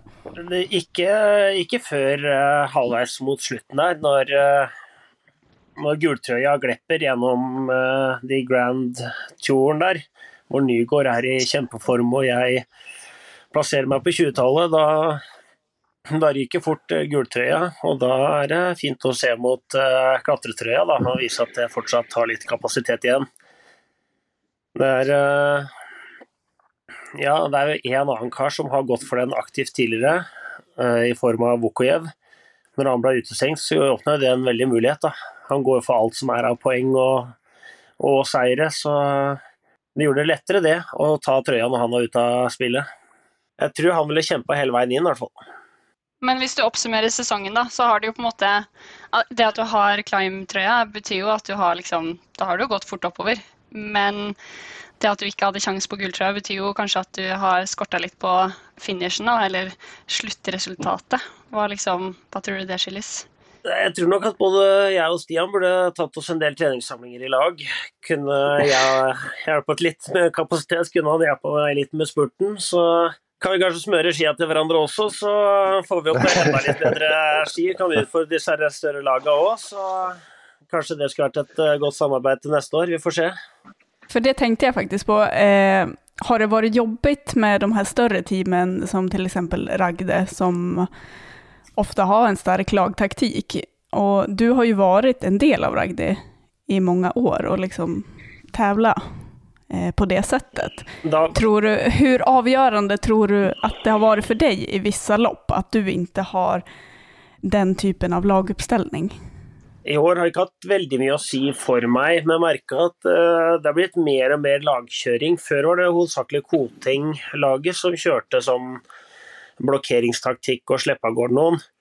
Mens de siste to åra så har både lag 157 og Ragde økt taktikker i biten sin. Da. Så nå er det tre lag som og som kjører på litt med den der, og særlig de siste to nevnte har vært sterke og ivrige på det i de siste løpa. Så blir mer en lagkonkurranse enn det har vært før. Før har det hatt med Petter Eliassen og, og Morten Eide Pedersen til å gå fart. Nå har det vært uh, EP har vært sjuk og Petter har uh, gitt seg, så da har det vært færre til å ønske å holde en høy fart. og det, Da blir det betydelig mer uh, taktikkeri blant de som er igjen. Ja, Det bygger opp til en spurt til Andreas. da. Så når de andre lagene etter hvert skjønner det, så tror jeg vi kommer til å se litt endring i det spillet. da, At de ikke bare lar eh, Ragde kjøre showet sitt og egentlig spille mer Ragde der. Det er vel på tide at de våkner snart. Vi får se. Hva har ni andre å si om det? Har ni spilt ut Tord medvetet? Ja, vi syns jo eh, i laget vårt så har jo vi alltid hatt uh, Vi liker sykkel, og Ski Classic er jo et uh, Har jo noen konkurranser som kan ligne litt på det vi ser i noen av de klassikerne i sykkel. Kanskje Vaselopp kan ligne mest. Og for oss i, i Ragde så er det helt klart et mål å ha et sterkt lag hvor vi kan spille på laget og spille hverandre gode og ha vinneren i mål, uansett hvem på laget det er. Og det er jo ofte vanskelig, fordi det er mange som har lyst til å vinne Vasaloppet. Både Andreas og Kasper var jo de vi satsa på i en spurt, og så hadde vi andre løpere vi ønska å få i brudd eller spille de andre slitne. da. Så Max måtte jobbe hardt, og Emil. Og, og det syns vi er kjempegøy, og det kommer vi til å fortsette med. Og det håper vi andre lag også fortsetter med. og Jeg tror det er litt av det som er gøy å se på TV òg, for de som følger med på det vi driver med. så er det svært få av løpa som gjør at man kan spille på et lag. Veldig mange av løpa er jo de sterkeste går av gårde. Eh, Birken særlig. Og selv om vi hadde et godt lag der òg, så, så, er det jo en blanding da, av konkurranseformene hva, hva, laget kan gjøre. Men eh, å ha sterkt lag er helt klart en eh, fordel i mange renn. da. Hva sier ni, skulle, alltså vad säger ni nyckeln til å ha en sånn uh, lagsammanhållning? For de som sitter og kollar på TV kanskje ser at ja, det her er en individuell idrott, varför kjører man for noen annen? Hva, hur får man et lag så sammansvetsat? Nei, jeg tror nok de som ser på lange skirenn, liker også å se på sykkel. Og etter hvert så forstår man jo at det her er jo en, eh, også et lagsport. Og vi vinner som et lag. Eh, og komme i mål og se Andreas Kransen, det gjør oss andre på laget glad. Og det er et mål vi har hatt hele sesongen. Ehm, sånn at eh, Forutsetningene for det er jo at når man går inn på lag og gjennom treninga at man har felles mål, eh, og at man har vilje til å hjelpe hverandre. Uh, og Der har vi jo sett andre lag som kanskje ikke har hatt like stor vilje til det.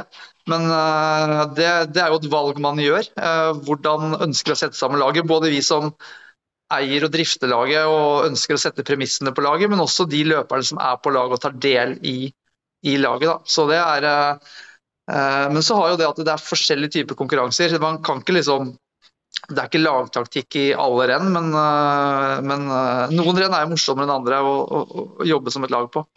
Og jeg tror fortsatt det er sånn at eh, hadde Tord hatt konkurransedyktige ski i alle rennene, så er det heldigvis at i mange renn så er det jo sånn at er du sterkest eller veldig sterk, så får du fortsatt mye ut av potensialet ditt. Og så er det kanskje noen få renn hvor du kan spille mer på det sterke laget. og ja, vi har nok spilt litt mer på det enn før. Samtidig så er det vanskelig å vite hvem som har dagen, hvem som har skiene, hvem som er pigg. Og det er jo tross alt ski og ikke sykkel. Og samtidig så det er bra å bruke lagtaktikk og sende av gårde folk, men jeg, jeg merker sjøl at man må, det jo liksom, hvor mye skal du spille, og hvor mye skal du liksom være kuk. Eh, sånn som på Reistadløpet, da følte jeg jo personlig at jeg var helt i grenseland når vi slapp av gårde Stian og Runar og, og Karstin inn i første bakken. Og det var bare ett spor som gikk, og folk prøvde å komme rundt for å tette, og så drev vi og gikk fram og stoppa, fram og stoppa. og sånn, og liksom, Man må jo fortsatt prøve å holde dem fair, eh, samtidig som at det blir mer og mer marginer. Folk vil være først inn i siste bakken i Marcialonga. Og hvis du da har noen på laget ditt som kan frakte deg dit, så er det jo det bedre at du er først inn i bakken, at du er nummer ti.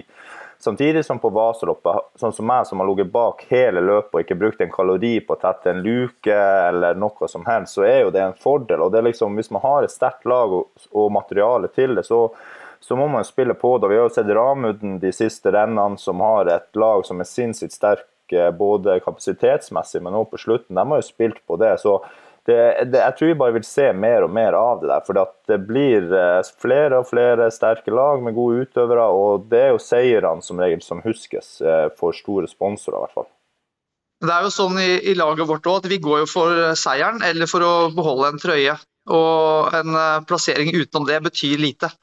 Sånn at, eh, og Det gjør jo at løperne istedenfor å få en femteplass i Vasan, så er det mye viktigere å spille alle spillene for at én skal vinne. Og man, Hvis man har den holdninga som man har i sykkellag, da, så er det lettere å gjøre det enn man uh, tenker mer individuelt, sånn som mange har gjort i langrenn før. Men sånn som Andreas sier, det her er jo fortsatt en, en kanskje en blanding da, av tradisjonell langrenn og sykkel. Og så er Den største forskjellen der sånn, er jo i sykkel så har du jo hele veibanen å gå på.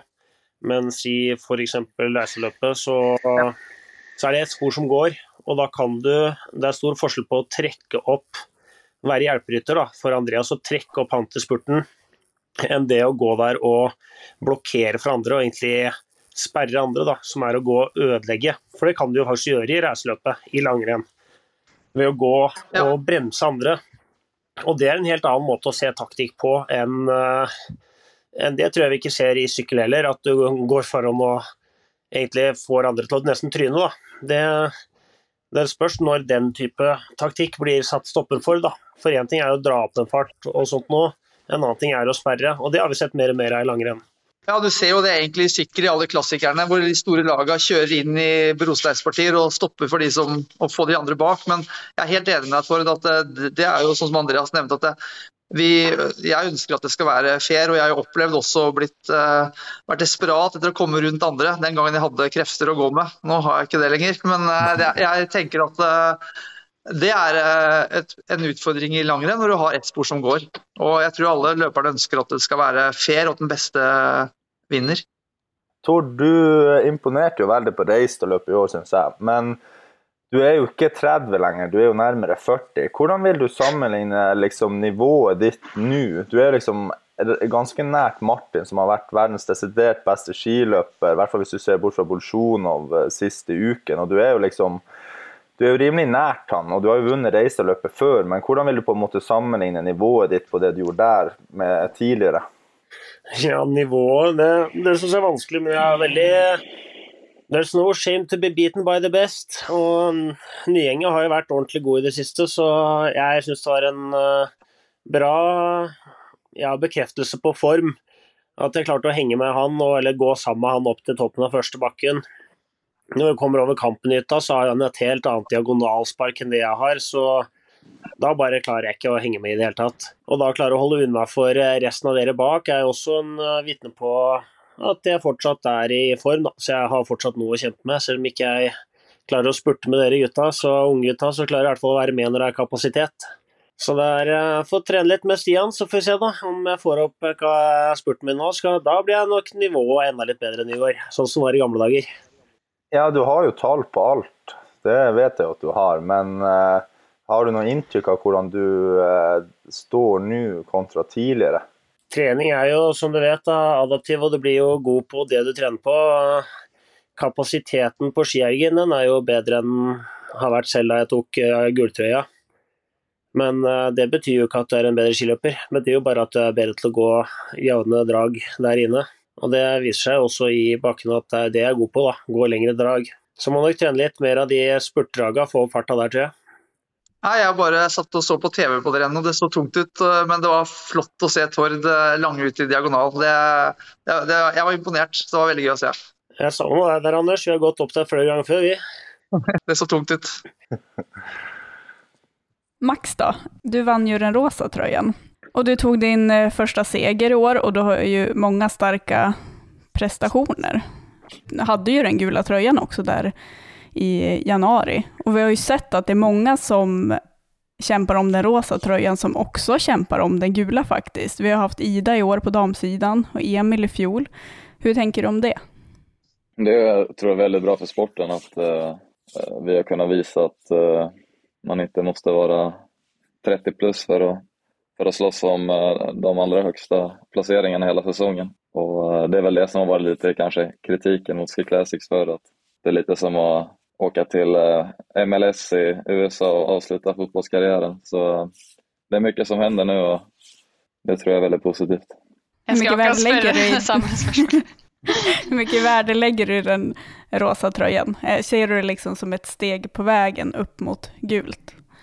Eller någon annan Uh, ja, ja, i år så. Den var väl min att förlora kände jag väl mer. så uh, det är svårt att fokusera på den, eh, den rosa på det sättet. Men eh, det är klart att jag, har jag har fått starta alla renn i, i tröja i år så det var ju det har ju varit trevligt. Nu, nu är man eh, nu kan man kasta sig in i den riktiga världen. Vad hade du för mål eh, innan säsongen? Även om jag hade den här sommarsäsongen som var, som var något alldeles extra. Och det är ändå en annan sak på skidor och jag har lätt för att bli lite... Jag, jag, jag sätter inte alldeles för liksom... Även om jag vet någonstans att jag har det i mig kanske så sätter jag inte upp något så här eh, mål mer än att jag ville vara i bäst form under Isärska och Vasaloppet. När jag helst vinna dem. Jag, eh, jag känner väl att jag har varit i form eh, sen sen i, i rullskidsäsongen egentligen. Jag har väl haft några mindre svackor men jag, jag skulle ju hellre ha lite mer lite mer varierad form och som Andreas kanske och kanske inte vara ja, så jä- jämn liksom. Även om det, har, det är väl bra också men det, jag tror det krävs att man är lite sämre ibland för att vara riktigt bra. Vad säger ni andra om Max säsong? Ja, Det er jo veldig imponerende det han har fått til. Det er, uh, Selv om Max er yngre enn meg, så har han vært uh, inspirerende å følge. Han var jo med og spurta litt for grønt for eh, to sesonger siden. Og det er jo kult å se hvilke store steg han har tatt som langløper, og hvordan han også trener og utfordrer litt eh, den herre treningsregimet. eh, inn mot det å bli en eh, langløper. Eh, så det er imponerende å se det steget han har tatt og, og dit han har kommet nå. Ja, det er fint å høre. Og eh, när man ser tilbake for to år siden, det var jo når jeg kom inn første året i Ski Classic så det kjennes som at da, da gikk jeg jo på, på allting Og det, vel det henger vel fortsatt i litt, kanskje. Men uh, det var noen fine dueller med, med Stian der som jeg tror har vært enda viktige. Jeg tror at kommer du inn som først, og det er bedre at du bare er offensiv på alt og du får lære deg den hårda veien enn at man skal försöka ligga och taktikköra och då kanske du får det lite större liksom, erfarenhet av att gå i klungan och hålla sig långt fram så blir det inte lika det blir mer naturligt når du väl är där kapasitetsmässigt också.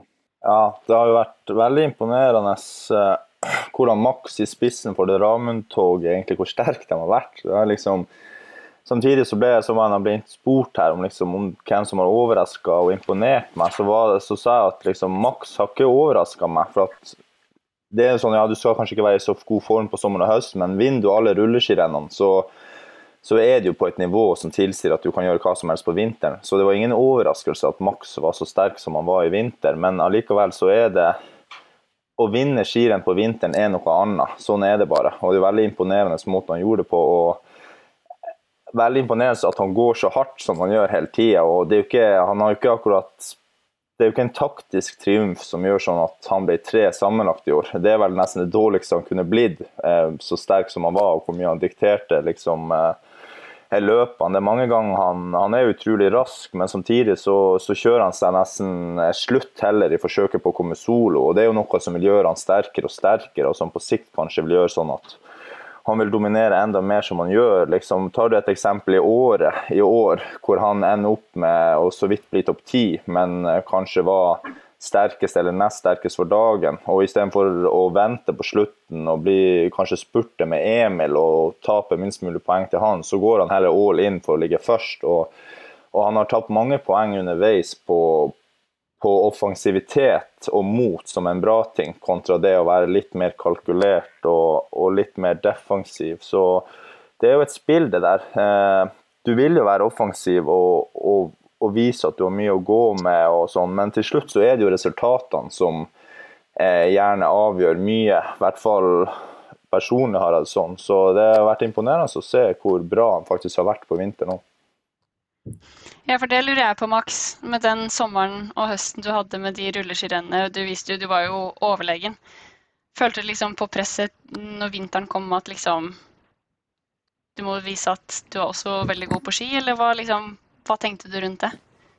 Jo, men jeg kjenner vel litt selv også, at om jeg ikke får til det i år da Da er jeg en rulleskiløper, og det, det vil man ikke være. Så skruet opp upp målen men äh, det var inget jeg kände som hindret meg. Sen så började säsongen väldigt dåligt i Orsa där. Eh, där det bara kändes som att nu eh, finns det risk att det är på väg in i någon... Jag ramlade ju mycket på de här första traditionella loppen jag körde. Mm. Och hade lite så här, eh, lite så som hela förra säsongen var. Så eh, det var eh, det var väldigt så här, jag tog jag som grepp efter det och tog ett break på tre dagar och började, började lite om i träningen. Uh, och sen så kom vi oss till, til, till, uh, till Livigno og där tränade jag på väldigt hårt och, och kom i, kändes egentligen dåligt sista dagen innan Pustertaler men det kanske gjorde också att jag det är ju det jag känner lite grann att de dagarna jag känt mig lite dåligare så har ju fått ut väldigt bra resultat av det för att jag är för, jag är för svag för att ligga längst fram och hålla på att bränna massa kraft typ som på Birken. Um, så det är väl lite det som har varit att så här, um, de loppen där jag kanske inte känt att jag kommer få ut så mycket resultat så har man kanske tagit ner förväntningarna och, och lugnat sig lite och det är väl det jag skulle behövt när jag, när jag väl var i form också. Och det, det hoppas jag på att ändra till nästa år och få lite till det som, uh, som Andreas pratar om, och kalkylera mer och, och hela den biten. Du hade ju en uh, rulleskidsäsong som var väldigt bra och så hadde litt uhell på høsten der sånn. Hva tanker gjorde du deg, og hvordan endra du treningsopplegget da for å bygge opp på nytt igjen inn mot, eh, inn mot vintersesongen? Jag det vel ingenting så, men uh, jag tror egentlig at att få sånne der break kan nog bara vara, det behöver inte vara negativt. Det er svårt å planere noe sånt kanske, att man skal ramla på en cykel og få et break på två veckor, men uh, när man, jag, jag är väldigt så här, kommer kommer in i ganska bra kontinuitet lätt och, och ligger och maler på med träning och då tror jag att, så här, att få de här verkligen upp och ner och antingen så liksom träna väldigt hårt eller träna ingenting så det tror jag kroppen mår nog bra av det tror jag. Det är väldigt formdrivande på de här eh, väldigt varierade belastningarna. Så du har tatt litt lærdom av liksom den perioden der, egentlig? Orsa, mellom Orsa og det du gjorde i starten av januar? Det var noe litt mentalt også der at jeg hade tävlar ganska mycket och rest runt så det var som inte så här. Det var lite dåligt fokus in mot Orsa tycker jag. Men när vi kom ner till, eh, till Livigno då var det, då var det ingen tvekan vart fokuset låg och jag kunde få till det väldigt bra där. Då går vi vidare till eh, Anders och eh, veteranvästen som faktiskt är en ny väst i år. Eh, hur ser du på att ha en sån typ av väst i kuppen? Nei, Jeg føler meg jo heldig som får lov å starte foran. Jeg sliter så mye med åpningsfarta i alle renn. Det er mest for lang og tro tjeneste. Men nei, det har vært gøy. Men mitt fokus har jo ikke vært den trøya. Eh, for meg så er det jo de andre trøyene som egentlig betyr noe. Men eh, jeg tror jo at det har vært gøy å ha trøya. Og jeg har jo fått mye mer eh, Jeg ser blitt mer sånn synlig. og så må huske på at De aller fleste som går den type renn som vi går, er jo mosjonister. Og jeg har jo blitt et forbilde for noen av de mosjonistene på min samme alder. Så jeg syns det er gøy å kunne motivere eh, og spre litt eh, ja, motivasjon om trening og sånn. Og med den veterantrøya så har jo det fokuset blitt enda litt større da, på den type mosjonister som, eh, som jeg er. Så så det har jo vært veldig gøy. Eh, så for Ski Classic så har det vært eh, bra, tror jeg. Og så mm, Men sånn personlig så har jo mitt mål egentlig vært eh, på vegne av andre løpere på laget. Jeg har trent ganske lite i år. Kanskje halvparten av en del av de andre her. Sånn at, men jeg har trent i, i perioder ganske bra. Og for meg så har det vært et mål å gjøre det bra i Vasaloppet i hele år. Så jeg kom hjem fra Marcelonga, så følte jeg jeg fikk gjort en optimal jobb fra Marcelonga til eh, Vasan. Og på veien der var jo Tartu. Så jeg fikk to renn i år hvor jeg fikk ut mitt beste nå. Og det syns jeg var kjempegøy. Og den opplevelsen jeg hadde i de rennene, var jo på en måte verdt et år med trening. Selv om vi hadde veldig god ski også, eh, i, hvert fall det siste rennet av de rennene. Så Eh, så, så, den trøya har ikke vært et fokus for meg, men det har vært at det har vært ekstra gøy. Da, og jeg ser det at eh, mange mosjonister som eh, jeg har kontakt med, syns det er veldig gøy. Tror du Resjak har uh, hatt litt motivasjon i trøya? Ja, jeg tror det. Jeg tror det lå litt penger der, og så får du starte foran. Så får du litt, litt mer oppmerksomhet enn om du bare er en som er langt bak i køen.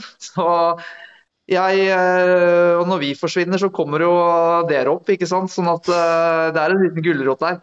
Uh, nei, jeg, jeg, jeg, tror det har vært bra. Og fordi det fins mange mosjonister her, så tror jeg det, det, kan være gøy. Og så er det litt Det som er fascinerende, egentlig, det er jo hva man kan gjøre med bra trening. og at trening er ganske Uh, ferskvare, da. Altså, jeg, jeg, føler jeg har trent veldig dårlig i sommer. Og så gjør jeg noen veldig bra innsats på trening og får respons på det. Og så prøver jeg å dele det med en del andre mosjonister som spør om råd. Da. Så den trøya setter nok ekstra fokus på det hovedsakelig, da. Tror du just det at det kanskje blir flere mosjonærer som lokkes av den der vesten? Eller uh, tror du at det kommer inspirere flere, også även elitåkere, å holde på så lenge så at på sikt kommer vi se en kamp, eller en større kamp om den. Jeg tror nok sånn eh, Ski Classic sin tanke med trøya var kanskje å bevare noen av de som har vært profiler. altså Både Reshak og jeg har jo vært med siden 90-tallet eh, her og gått eh, langløp. Sånn at Jeg tror det å ha profiler som fortsatt kommer med på TV og er på kan være bra for Ski Classic. Og så håper jeg at det kan motivere både eliteløpere og mosjonister. Begge, begge, deler, egentlig. Hva kan du si om uh, nivå og alder? Når du har, uh, så, har, blitt så gammel og kan fortelle litt om hvordan det, hvordan det utvikler seg, da, både for lyttere og andre? Ja, det er interessant det der. Altså, jeg har jo vært veldig overraska når vi var på lag Tord. Da var jeg veldig på på treninga og følte at vi var veldig sultne på laget og gjorde litt nye ting og hadde utvikling. og jeg følte vel at eh, helt til eh, 15, 16, 17, 18, de åra der, helt til jeg var da 46 år egentlig, så kunne jeg innimellom prestere veldig bra. Og så har jeg de siste tre-fire åra merka en klar eh, nedgang. da.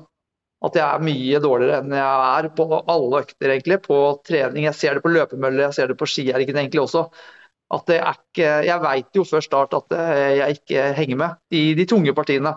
Og det, Der jeg mister det, det er ikke på styrke og det er egentlig ikke på hurtighet heller, men det er på uh, sånn kapasitet. Da. Og da det, det fører til at jeg, jeg, må slippe i åpningsfart og jeg må slippe i lengre motbakker. Men jo flatere traseen er, jo lenger ut i en konkurranse jeg kommer, jo bedre klarer jeg meg. Og Vaseloppet er jo ideelt sånn sett. Diagonela kan være OK, og Tartu var fint. Men, eh, men, eh, og det har jeg sett på alle sånne parametere på trening. Så, men det, det, er jo, jeg tror man, hvis man har eh, motivasjon og vilje, så kan man prestere bra i Ski Classic opp i veldig høy alder. Men jeg har bikka den grensa for en stund siden. Det har jeg. Men jeg har bestemt meg for å gå ett år til. Og målet er å få en god opplevelse i Vasaloppet neste år.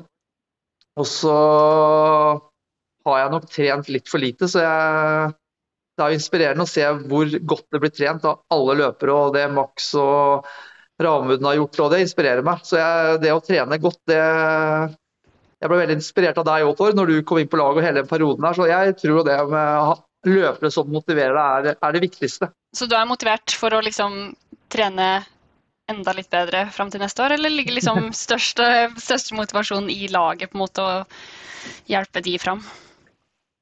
Det er en blanding. Eh, det er ikke gøy å gå dårlig skirenn. Jeg har hatt noen av de i år og kjenner at jeg er for dårlig. Og det, da har jeg lagt opp i, eller stoppa der og da omtrent i flere skirenn i år. Men eh, jeg har bestemt meg for å trene ett år til, og da skal jeg trene litt mer enn i fjor. Jeg skal trene godt, men eh, min motivasjon er todelt. Den er at laget skal utvikle seg. At nå har Andreas hatt en drømmesesong, og for så vidt Kasper har hatt en veldig god sesong, men eh, jeg ønsker at eh, både de og andre skal kunne bli enda bedre neste år. Det er én motivasjon. Den andre er at jeg skal stå på start i Vasan eh, godt forberedt og få bra, et, et, godt renn der. Dere andre, da? Hva tenker dere om legenden Anders Haukland?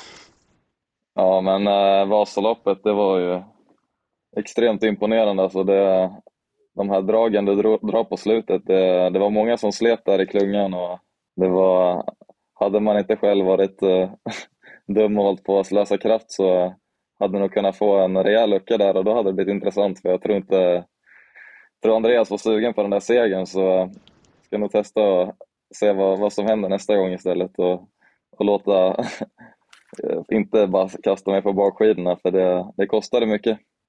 Ja, Det er jo fascinerende. Jeg gikk bare litt for humoren sin del inn på resultatlista fra Vasaloppet. og der er det jo litt sånn aldersklasser som de mosjonistene Anders snakker om, eh, sortert. Og jeg så i den klassen Anders gikk i, så nummer to i klassen, det var vel et par tusen som gikk der, så var det en som heter Ronny Løf. Og han var vel litt over en halvtime bak Anders. Eh, så, eh, så det sier jo litt om at det er fort å glemme. Man har latt seg imponere og inspirere så mye av Anders at man på en måte skjønner ikke egentlig helt hvor ufattelig det han gjør er. Men samtidig så jeg har vært på lag med Anders mange år nå, og han har hatt mye i denne oppkjøringa som kunne vært bedre. Både i treningstøy og utenfor treningstøy. Og jeg tror eh, hadde Anders fått levd et liv eh, som tillater han å gjøre akkurat det han hadde trua på til enhver tid, så tror jeg han kunne vært eh, så bra som han er på Vasan og Tartu hele året. Eh, det tror jeg faktisk eh, både alderen og, og alt han har eh, er god nok for. Så er det jo en ting er å vite hva som kreves å gjøre, en annen ting er jo å rett og slett muligheten til å gjennomføre det. Og Den jobben han gjør fram mot eh, Vasaloppet, som er det viktigste rennet for han, det, det er imponerende og inspirerende å vise at eh, alder er, om ikke bare et tall, så er det først og fremst et tall. Hva er det som har motivert deg under alle disse år å holde på? spenninga med det å konkurrere, det å forberede seg optimalt, det å sette sammen et uh, treningsopplegg du har tro på og gjennomføre det. Og stå på start. Uh, så Det er egentlig de konkurransesituasjonene som har eh, trigga meg, samtidig som jeg har hatt vært på lag med løpere som har motivert meg. Jeg hadde jo aldri trodd jeg skulle holde på så lenge, men den perioden vi hadde, særlig på Santander-laget, når Tord var en del av det, det da, da, ble jeg utrolig motivert og, og tør, turte å gjøre nye ting på trening. Da. Så, og så etter hvert da når jeg begynte å kjenne at jeg er ikke der jeg var, og da er det lett å bare Man har jo den følelsen i alle skirenn når det går fryktelig tungt. Hva er det egentlig holder på med her? Jeg hadde den følelsen i både Åre og nå i, i Levia, som hva er det jeg egentlig holder på med når jeg går bak der. Det er ikke gøy, men, men, men bare den opplevelsen av å gå et renn som jeg hadde i Vasan, det, det er verdt den følelsen er verdt så mye for meg. da, og Den er så god, og det er svært lite som kan måle seg med det. Sånn at, eh, så det er nok en blanding av flere ting, men eh, jeg har jo vært heldig og vært på lag da, med, med, løpere som uh, er veldig motiverende og sultne. Og, og, der igjen så ser jeg på det Ramuden har gjort i år, som jeg er veldig imponert av. Da, at uh, Det er fascinerende. Det er gøy å se at det, det blir pusha grenser på trening, og man er sultne på å bli gode. og det er jo der det er selve utviklinga der da, som er liksom drivkraften i all idrett. og jeg har vært med så lenge at jeg har sett løpere kommet inn og utviklet seg, og, og det, er, eh, det, er, fascinerende å se. Men eh, jeg kan love det er ikke gøy å gå dårlig skirenn, det vet dere alle, men det er, det er, veldig gøy å gå fort. Så det er egentlig den følelsen jeg leter etter. Eh, nej, men det skal bli jätteroligt å følge deg neste sesong og även alla er andra. Eh, og vi tenkte vi skal begynne å runde av här. Men først så vill vi gratulere til en fin sesong til dere alle. Og så innan vi avslutar så kan alle få si hvordan spenderer ni våren og ledigheten og når drar ni gang treningen for neste sesong? Ja, i år så blir det en eh, sen sesongstart for min del. Eh, jeg har vært litt inn og ut på studiet, men i år så så blir det mye på sykehuset og på universitetet fram til eksamen 13.6. Eh, så fram til da så må jeg finne en lur måte på å trene lite, men samtidig holde formen litt, litt med ved like. Eh, jeg er jo fortsatt der at jeg ønsker å gå framover og utvikle meg, og det blir vanskelig hvis du ligger to måneder på sofaen, selv om, selv om en liten pause kan være bra. Så det blir lite, lite, men smart trening og mye på universitetet for min del fram til 13.6. Ja, For min del så blir det, blir det en god runde med avkobling her nå, uh, før det dras i gang igjen. Men uh, jeg kjenner jo det. Du, bare etter to-tre dager du, så, så, sitter den jo og rister i både armer og bein. Så det er jo en mental kamp i seg sjøl, å prøve å holde seg unna treninga og klare å koble av. Men uh, ja, det blir litt alternativt. Eh, det blir dra i gang litt eh, styrke etter hvert, som jeg har gjort de siste åra. Og eh, bygge opp den igjen. Og så liker jeg jo litt friluftsliv og skal nok prøve å få meg noen randoturer utover i april og mai. Så det, det blir veien min å gå fremover. Nei, men jeg håper på å ha litt annet her nå, så, så man kommer seg i riktig dårlig form og ikke inte är för bra på rullskidsäsongen och börja träningen sent så att man uh, det är inte viktigt för mig hur mycket jag tränar på ett år uh, utan jag vill uh, bara göra bra träning sen in mot när, det väl, när det väl gäller. Jo, jeg uh, har jo tre unger, den eldste er blitt 18, så jeg skal faktisk, han sykler mye, så jeg skal rundt omkring på litt sykkelritt. Ja, store deler av april og mai. Så nå skal jeg ned til Paris og Belgia nå, eller Frankrike og Belgia nå slutten av påska. Og så blir det sikkert mer Belgia seinere også. Så jeg blir å kjøre bil og stå på sykkelritt. Eh, og så håper jeg å få noen randoturer i mai, så skal jeg komme i gang og trene litt da. Tord vet jeg ikke, forsvant han? Tord hadde begynt semesteren sin nå, tror jeg. Så... ja, han det nå. Tack så mycket allihopa för att ni tog er tid. Det var jättekul att ha er med. Tack. Tack för Ja, då har vi pratat med alla vinnare av västarna. Fick du med dig något eh, inspirerande? Någonting som de sa? Jeg syns det var veldig interessant, og så syns jeg det er veldig kult at vi har så mange ulike vinnere av, av, av trøyene. Da. At det ikke bare er liksom de samme. Det er liksom fem ulike på herrene og tre ulike hos damene. Um, og det er veldig inspirerende å høre hvordan de tenker, har tenkt gjennom sesongen. Og um, jeg vil jo si at liksom alle de har til felles at de er veldig offensive. Da. Um, og så hører du at alle har jo et mål om å på en måte prestere best mulig totalt Altså i, i de ulike konkurransene. Men eh, Nei, men det virker som de har på en måte alle er veldig fornøyde med sesongen, men de er eh, virkelig motivert for enda en sesong og nye vester å kjempe om og nye ja, konkurranser å gjøre det bra i. Så det syns jeg er, det er gøy. Det skal bli kul å følge.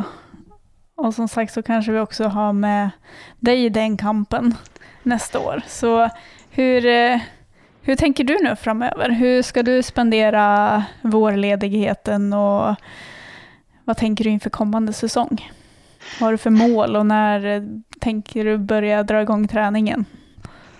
Eh, jeg, jeg, tenker at uh, nå må man bruke tiden på å liksom, hente seg litt inn igjen. Uh, både fysisk og mentalt. Uh, man kjenner jo det på kroppen at særlig siste del av sesongen har man gått mye tøffe skirenn. så det er jo litt sånn håndledd og albuer og litt forskjellig som trenger, trenger litt fri.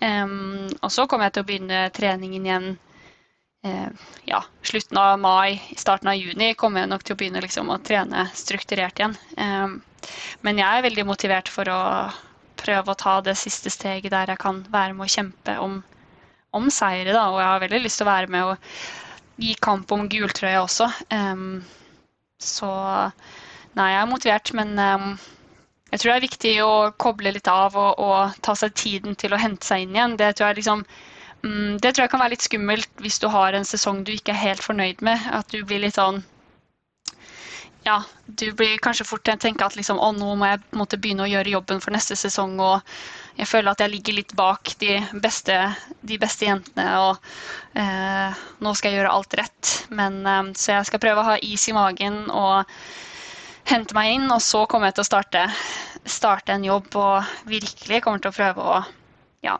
gjøre det jeg kan for å bli bäst mulig nästa säsong. Men det är som du säger, liksom, att verkligen tillåta sig själv att återhämta sig. Det upplevde jag också, att man var ofta ganska, när man, efter säsongen var man ganska slut, när man liksom mm. bara slappnar av och släpper allt. Men kanske mest mentalt. Ja. Eh, och sen liksom starta upp arbetet inför nästa säsong, det är, det är länge till december mm. när tävlingarna ska dra igång. Så jag tror det är en väldigt viktig nyckel som du säger där. Ja.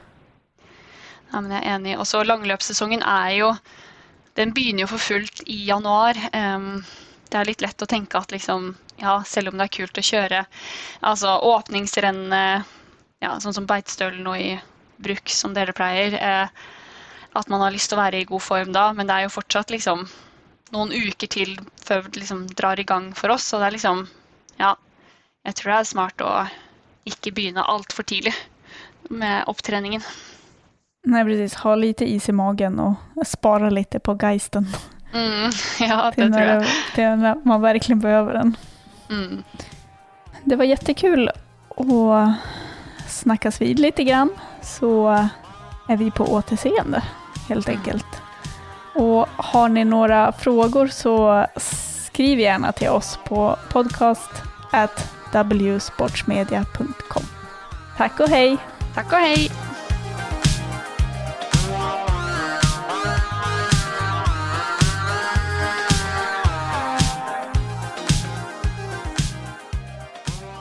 This podcast is a W Sports Media production.